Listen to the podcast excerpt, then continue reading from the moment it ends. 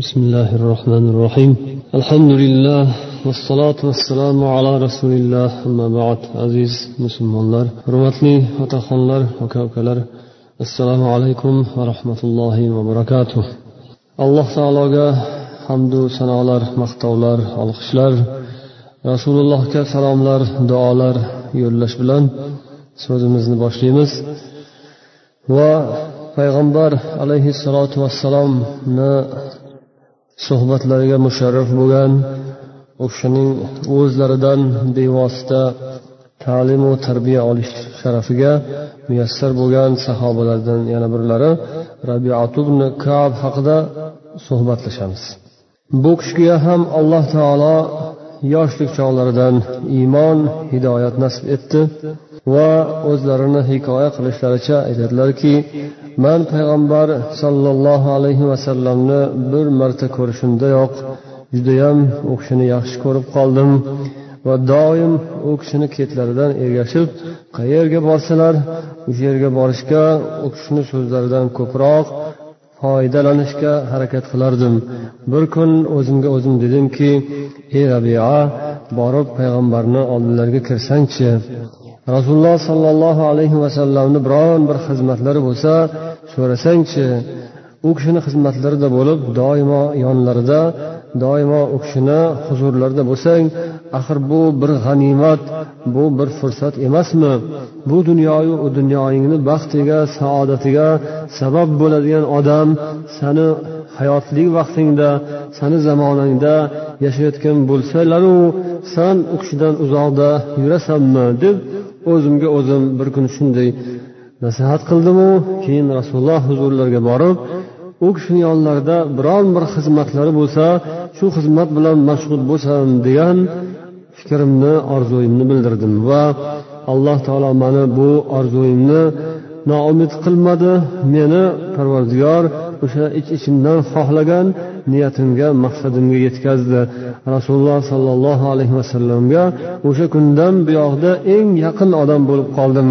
Doimo u kishi bilan birga bo'lib nimaiki hojatlari xizmatlari bo'lsa darhol shuni bajarishga u kishini yonlarida bo'lishga harakat qilardim xuddi soyadek ergashib yurardim. Kechki payt bo'lganda uyimga qaytardim. Kunduzi bilan u kishi yonlarida bo'lib u kishini xizmatlarida bo'lib keyin kech kirgan paytida uyimga qaytib uyimda borib dam olardim.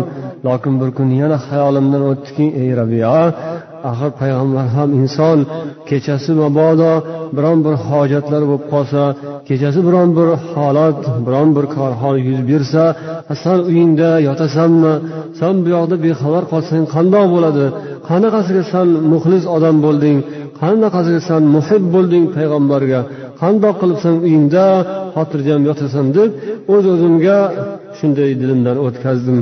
Keyin kunduzi bilan rasululloh sollallohu alayhi vasallam huzurlarida xizmatlarida u kishining atroflarida bo'lishimdan tashqari u kishi dam olishga kirib yotganlaridan keyin ham ostonalarida o'tirardim.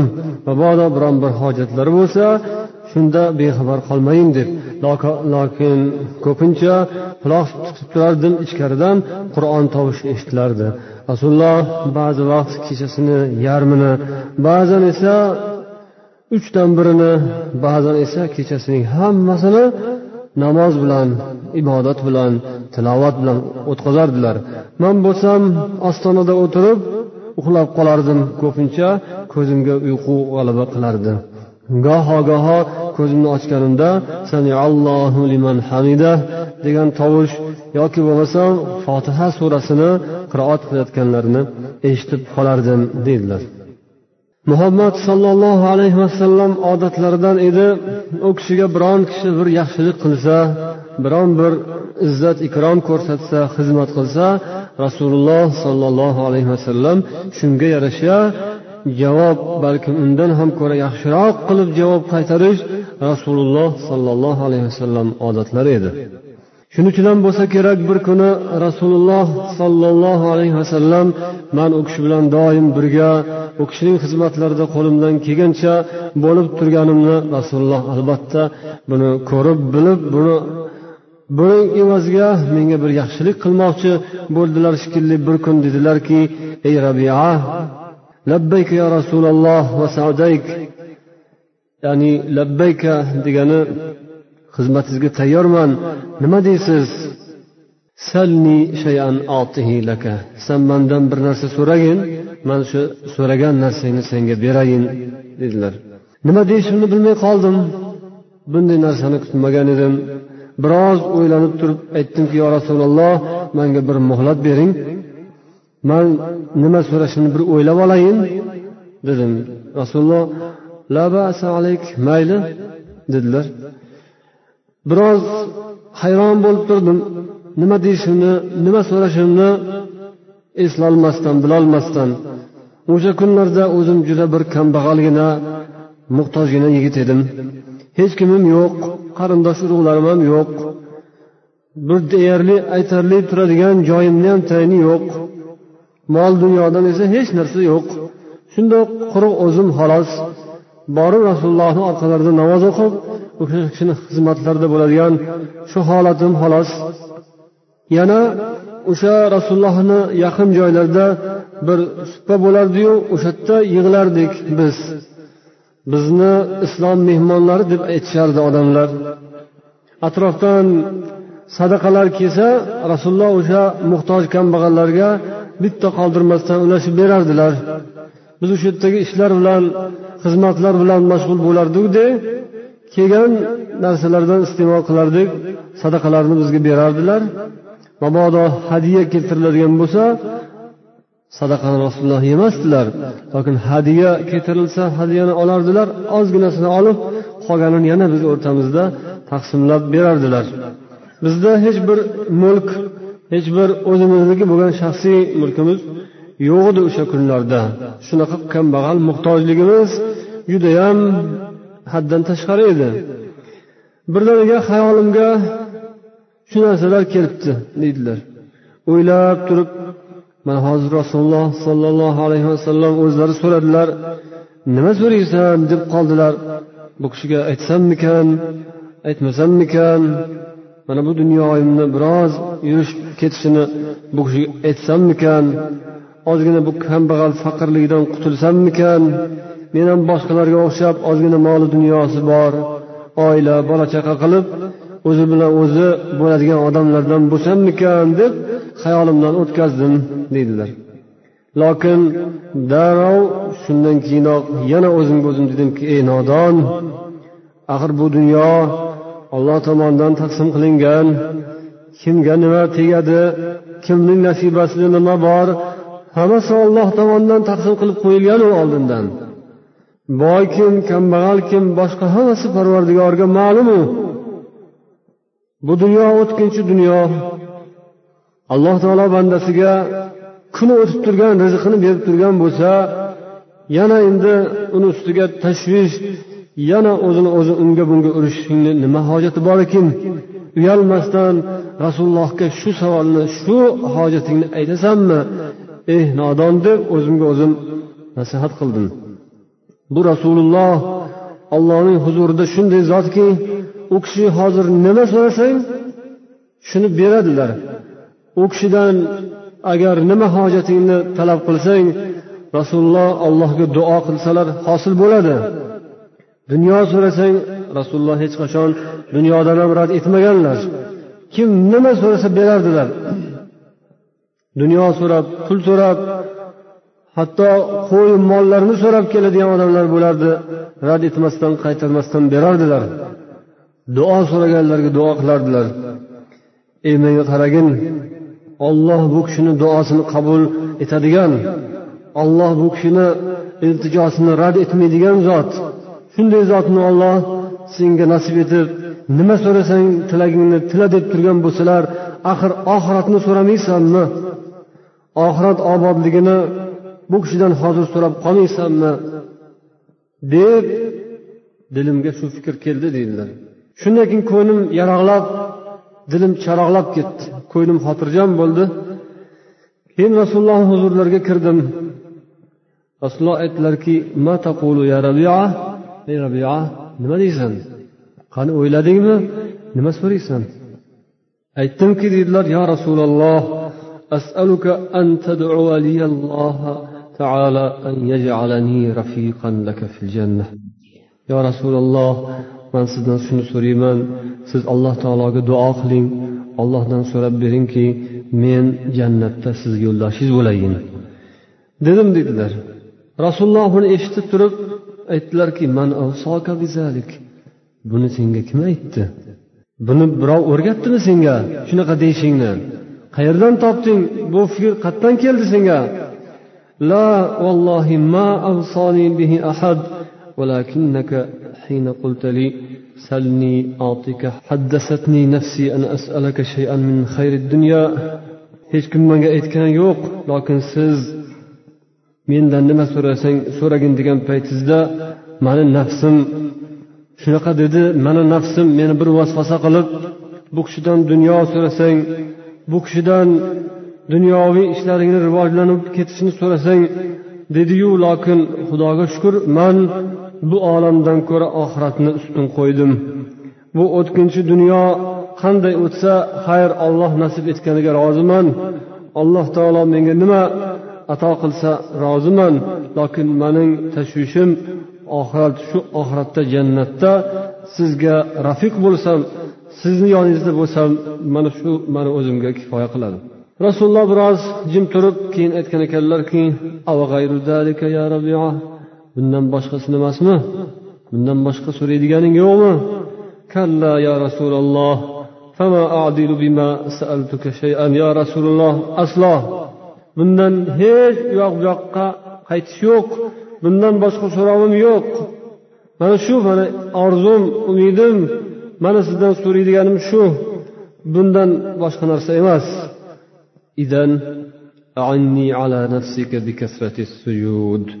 Undoq bo'lsa dedilar payg'ambar menga sen yordam bergin. Undoq bo'lsa sen menga ko'proq sajda qilish bilan yordam bergin. Demak san agar jannatda man bilan birga bo'lishga harakating bor ekan orzuing bor ekan shu ish amalga oshsin uchun men seni shu maqsadingga yetkazishda menga oson bo'lsin uchun menga yordam qilginsan. Sening menga bo'ladigan yordaming o'zing ko'proq sajda qilgin. Demak sen ko'proq ibodat qilgin ko'proq namoz o'qigin. Bu besh mahal namoz emas bu yerda nazarda tutilayotgan narsa. Besh mahal namoz bu musulmon odamni kundalik vazifasi farzi bu qarzi bu haqda hech qanday gap bo'lishi mumkin emas. Musulmon odamda bu ibodat besh mahal ibodat bu farz bu qarz besh mahal namoz o'qiyotgan odam bo'lsa voy voy falonchixon pistonchixon deyish bo'lmaydi. Bu qarzini to'layotgan bo'lsa birov qarzingizni to'labsiz deb uni maqtalmaydi. Ertaroq to'lasangiz bo'lmaydimi? Shuni to'larkansiz berarkansiz deyiladi balkim tanbeh berib. Bu birovni haqqi zimmangizni ko'tarib yurib nima qilardingiz? To'lang qutuling bu yuz odamda vijdon uyat nomus bo'lishi kerak. Birovdan qarzni olib qarzni to'lashga qudrati qurbi yetsa to'lamay cho'zib yurgan odam bor yo'q emas. Cho'zib yurib yurib oxiri to'ladi. Shuni maqtash kerakmi vaqtida o'z o'rnida ado qilish kerak qo'ldan kelgan odam. Shunga o'xshab besh mahal namoz bu xudoning haqqi bizni allohni bizning ustimizdagi talabi bizni qarzimiz bu farz. Buni ado qilishga nima imkoniyat yo'qmi? Qurbingiz yetmayotibdimi? Eplolmayotibsizmi? Undoq emas. Olloh qurbingiz yetmaydigan narsani talab qilmaydi. Qo'ldan kelgan qilib qo'yib keyin talab qiladi. Demak bu narsa emas bu yerda nazarda tutayotgan narsa. Bu hammani tabiiy vazifasi. Farz ibodatlarni besh mahal namozni o'z vaqtida o'qish dangasalik yalqovlik qilmaslik bahona qidirmaslik bu farz bu vazifa. Bu yerda rasululloh sajdani ko'paytirgin deganlar sababi ko'proq nafl ibodatlar qilgin. Namozlar o'qigin. Bu farziku odamlar xoh ko'rsin xoh ko'rmasin farqi yo'q. Ammo nafl ibodat hech kim ko'rmaydigan odamlar sezmaydigan odamlar maqtanadigan ishni ham qilgin kechalari ibodat ham qilgin namoz o'qigin ko'proq. Shu menga yordam bo'ladi men seni jannatga olib kirishimga menga yordam bo'ladi yordam qilgin dedilar. Shundan keyin men rasululloh sollallohu alayhi vasallamni xizmatlariga bu dunyoda musharraf bo'lib u kishining xizmatlari sharafi u kishi huzurlarida borib xizmat qilishdek baxtga bu dunyoda musharraf bo'lganimdan xursand bo'lib xuddi shunday baxtni alloh menga jannatda ham nasib etsin deb o'sha kundan boshlab ibodatlarimga judayam astahlil bo'ldim deydilar. Keyin oradan ko'p vaqt o'tmasdan rasululloh sollallohu alayhi vasallam bir kun rabiaga qarab aytdilarki ya rabia ala tatazavvaju ya rabia ey rabia uylanmaysanmi? Javob berdim yo rasululloh sizni xizmatingizdan biror bir narsa mani chalg'itishni aslo xohlamayman. Man siz bilan birga bo'lsam bo'ldi. Keyin oradan ancha vaqt o'tdi. Indamadilar. Yana biroz vaqt o'tgandan keyin ey rabia o'ylanmaysanmi dedilar. Yana o'sha oldin aytganimdek aytdim. Man boshqa ishlarga mashg'ul bo'lib bundan sizni xizmatingizdan bu sharafdan mahrum bo'lib qolishdan cho'chiyman dedimu lokin o'zim yakka qolgan paytimda o'zimga o'zim dedimki ey nodon rasulullohdek zot senga bir narsa foydasi bo'lmasa shuni taklif qilarmidilar. Sen esa nodonligingga borib rasululloh takliflarini qabul qilmasdan o'zingcha aqllilik qilib unaqa bunaqa deb o'tiribsana a ey attanga deb afsuslandim dedilar endi xudo xohlasa rasululloh yana agar bir marta shunday so'rasalar albatta qabul qilayin deb dilimga tugib rasulullohni og'izlarini poylab yurdim. Qachon yana shu gapni aytar ekanlar deb. Yana oradan ko'p vaqt o'tmasdan rasululloh shunday so'zni aytib qoldilar. U kishi xursand bo'lib ketib aytdilar bala yo rasululloh mayli ya rasululloh uylansam uylana qolayin dedilar.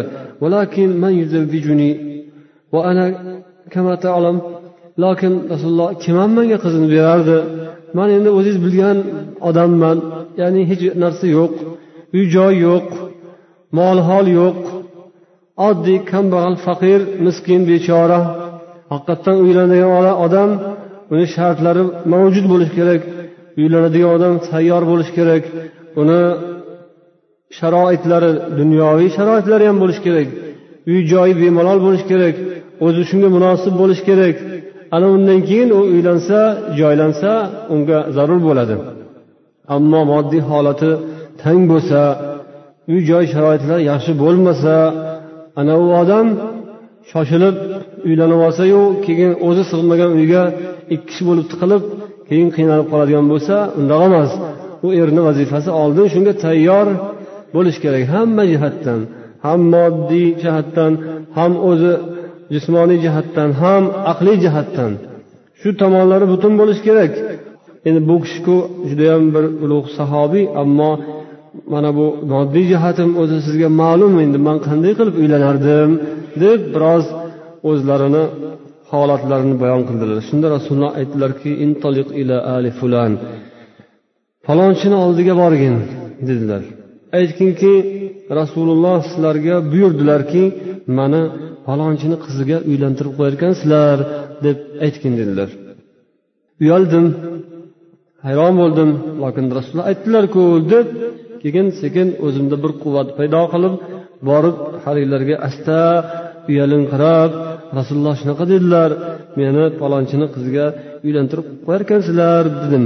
Undan keyin falonchini ha? dedim. Ha marhabo marhabo xush kelibsiz xush kelibsiz.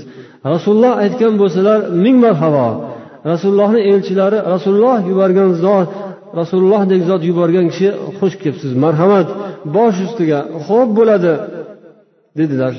Va man rasululloh sollallohu alayhi vasallam huzurlariga ishim bitgan shunday bir marhamatga erishgan holda keldim.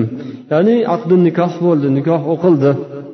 Keyin kelib rasulullohga dedim yo rasululloh ular juda yaxshi qabul qilishdi juda xursand bo'lishdi manga ishonishdi shu gapimga.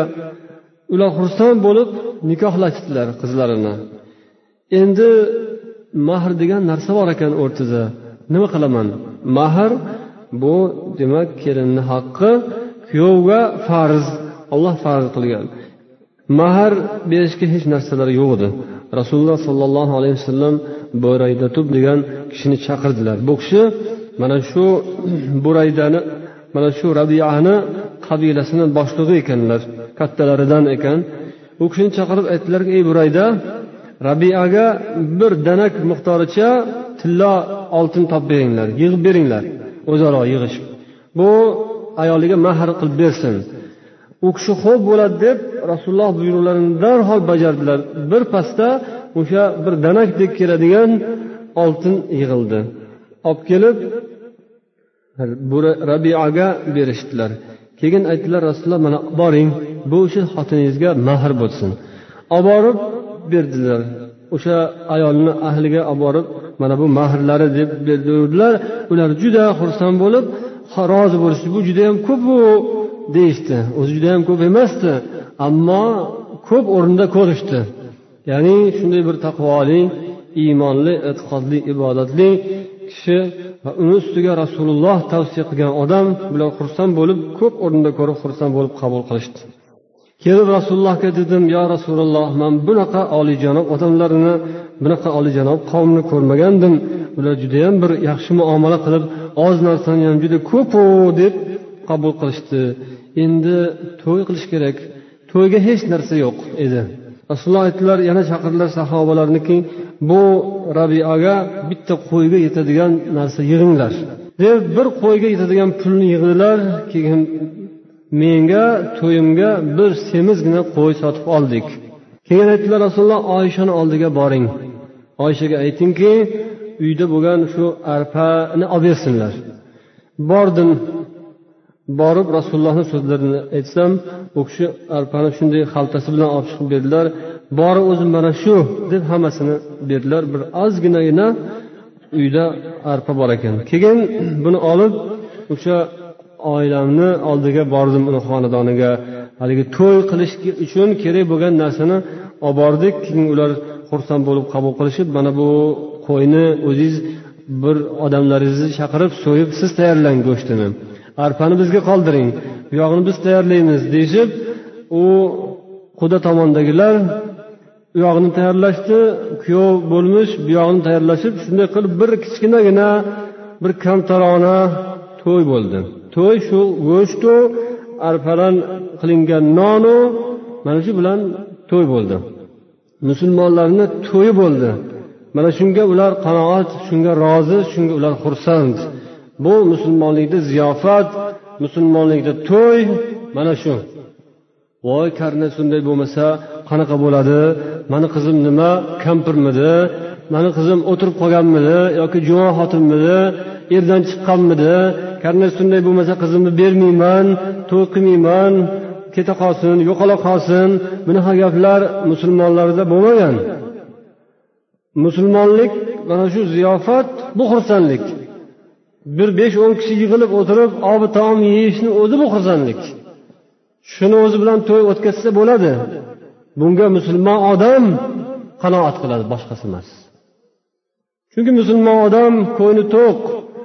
U xursandligi shodiyonasi eng mukammali jannatda bo'ladi inshaalloh. U jannatga uncha ham ishonolmaydigan u jannat. Bizga mana shu naqdisi yaxshi u yoqqa borguncha. Mana shu yerda biz yaxshi o'ynab kulib olaylik deydiganlar ular hech ham qanoat qilolmaydi ularga unaqasi ham bo'lishi kerak bunaqasi bo'lishi kerak.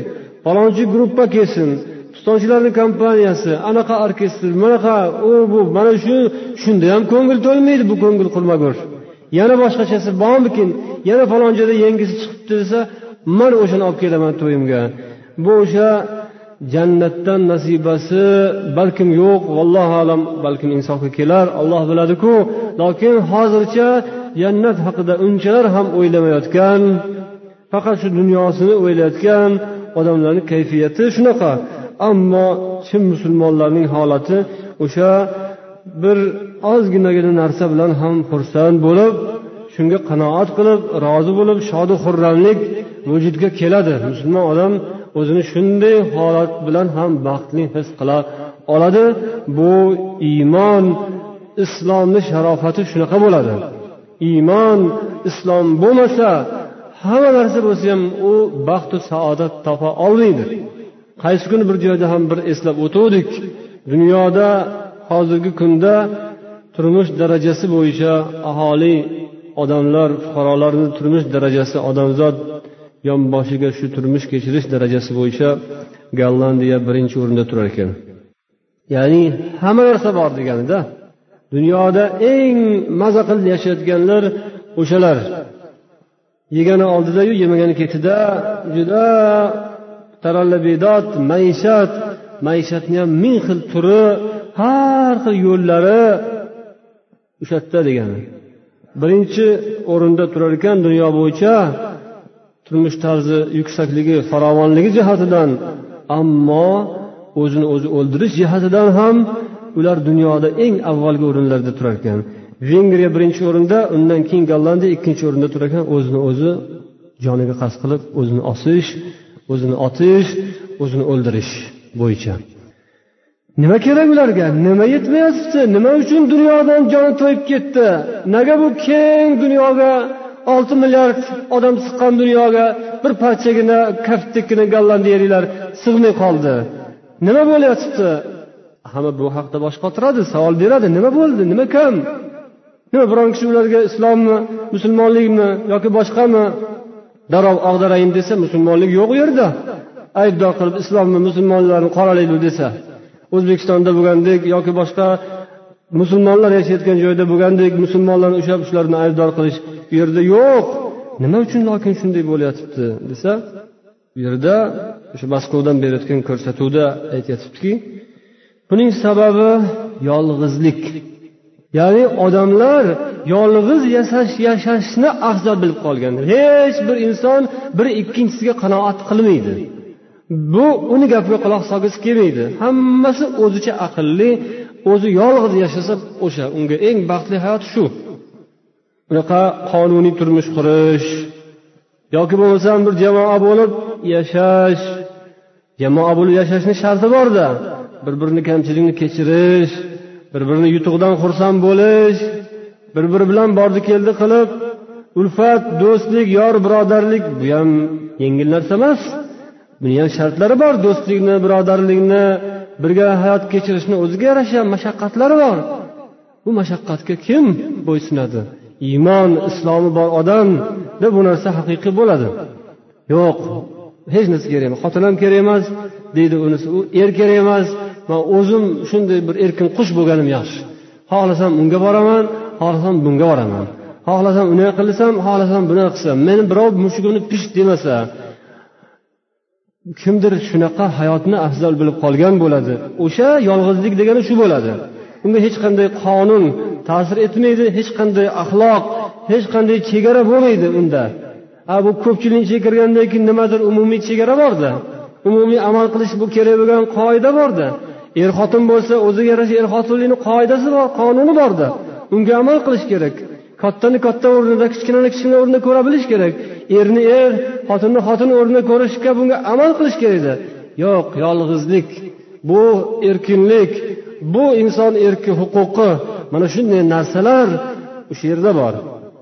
Ularni ovqati kiyim kechagi moshinasi uy joydan g'ami yo'q. Hamma narsasi muhayyo. Nechtadan moshinasi bordir? Ovqatlari ketma ket xilma xildir hali maishatlari ham xilma xildir lokin birgina narsa yo'q iymon yo'q islom yo'q. Yurayin desa bir haq yo'l yo'q bo'lgandan keyin hammasi o'zicha olim o'zicha aqlli o'zicha to'g'ri lokin oxirgi yo'li o'zini o'zi o'ldirish. Dunyoda demak ular eng avvalgi o'rinlarda ketyapti o'zini o'zi qirib yo'qotib ildizni o'zi o'zi quritish. Iymon islom esa alhamdulillah ulug' bir ne'mat. Alloh siz bilan bizga ato qilgan bu buyuk bir ne'mat. Uni qadriga yetish bu insonni baxtu saodatga olib boradigan narsa. O'sha rasululloh sollallohu alayhi vasallam sahobalari bu iymon islomni qadriga yetishgan va uning foydasini bizdan ko'ra ko'proq ko'rishgan. Kim ko'proq qadrlasa qo'lda turgan narsani o'sha odam ko'proq foyda ko'radi. Ikkisiga bir xil narsani bering bir vaqtni o'zida. Qimmatbaho narsa. Bu kishi ehtiyotkorroq shuni qadriga yetadiganroq bo'lib avaylab asrab muomala qilsa uzoq vaqt uni foydasini ko'radi uzoq vaqt ishlatadi.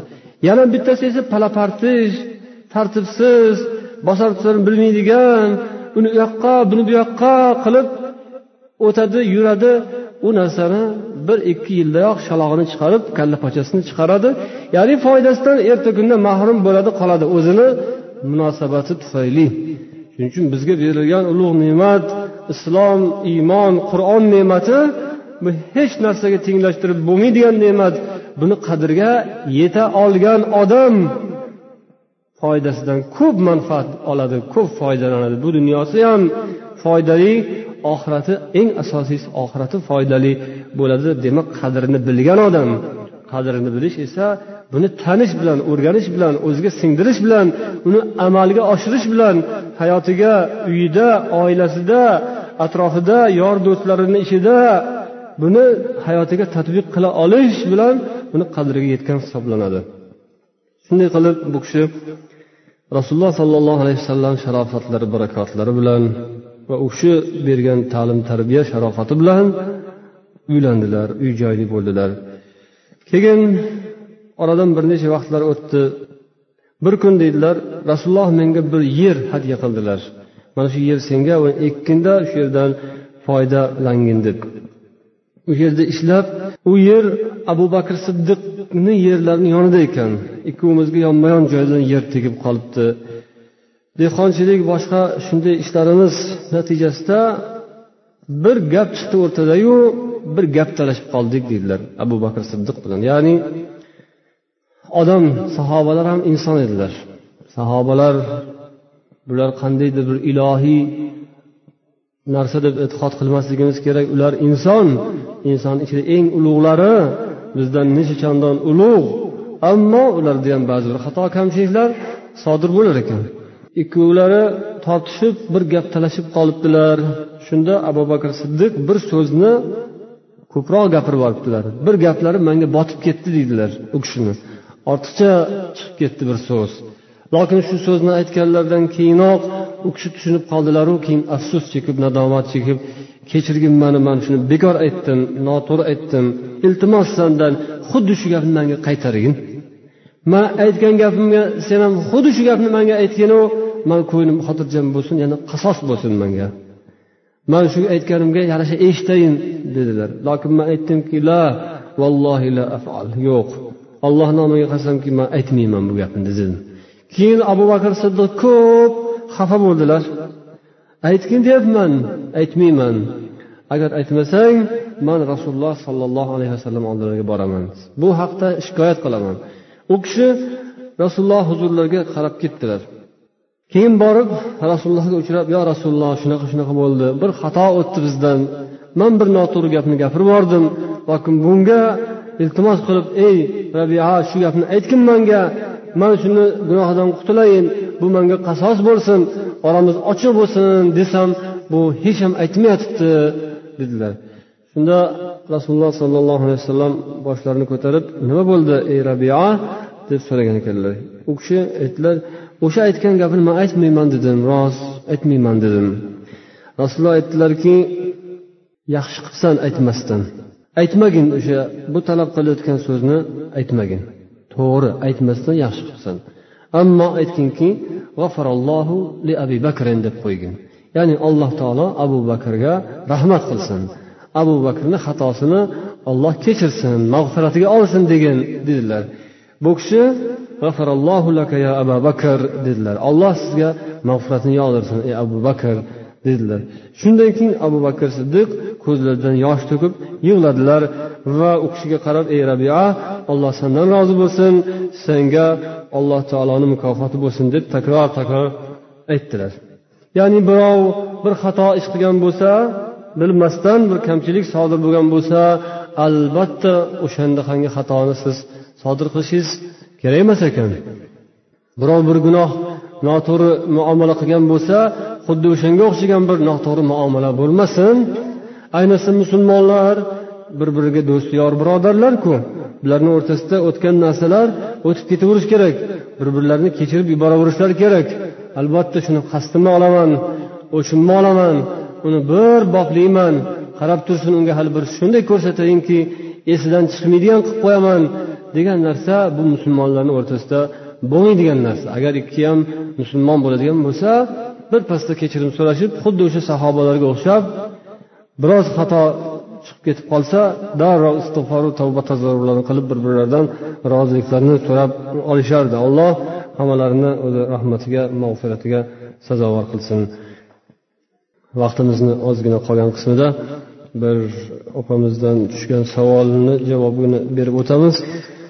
Bu kishi yozibdilarki turmushga chiqqanimizdan keyin umr yo'ldoshim bilan bitta farzandlik bo'ldik. Lokin farzandimiz ko'p turmasdan uch oy bo'lgandan so'ng vafot bo'ldi deb yozibdilar. Shu vaqt ichida farzandimiz yig'lab qolgan paytida uni emizish kerak bo'lgan paytida betahorat holda ba'zan nopok e, tahoratsiz holatda ham emizib qo'yardim. Keyinchalik shu ishimdan o'zim qo'rqib shu nima bo'ldi ekan shu bolam vafot bo'ldi lokin man uni ya'ni g'usulsiz holatda emizganlarim nima bo'lar ekan deb u kishi bir tashvish bilan savol so'rabdilar. Xullas payg'ambar sollallohu alayhi vasallam hadislarga qaraganda inson bolasini albatta tahorat bilan emizsin deb buyurilmagan. Bu shart emas. Lokin doim pok holda inson o'zini tutish kerak.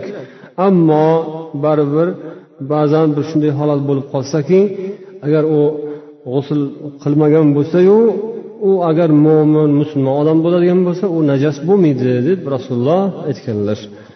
Bu pokizalik zarur shart. Ammo vaqtincha orada biron bir so'z gap yoki biron kishi bilan so'rashish shunday holat bo'ladigan bo'lsa musulmon odam aslo najas bo'lmaydi deyilgan. Lokin unday kishi namozga qatnashishdan mahrum masjidga kirishi mumkin emas qur'on ushlashi mumkin emas qur'on o'qishi mumkin emas namoz o'qishi mumkin emas to pokiza bo'lmaguncha ammo haliginday holat bo'ladigan bo'lsa ular endi bu yerda tashvish qilib yozibdilarki u o'lib ketgan bola qanaqa bo'lib o'lib ketdi ekan? Harom narsani yeb ketgan bo'lsa u harom e, sut emgan bo'lsa man shunga gunohkor bo'ldimmi? deb endi bu tashvishlanib so'ragan undoq emas.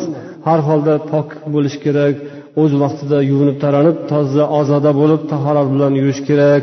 Lokin mana bunday ahyon ahyonda sodir bo'lib qolsa agar holat bu holatda biz uni harom bo'libdi unaqa bo'lib bunaqa deyishga haqqimiz yo'q olloh kamchilik bo'lsa o'zi kechirsin سبحانك اللهم وبحمدك أشهد أن لا إله إلا أنت أستغفرك وأتوب إليك اللهم صل على محمد وعلى آله وأصحابه أجمعين وآخر دعوانا أن الحمد لله رب العالمين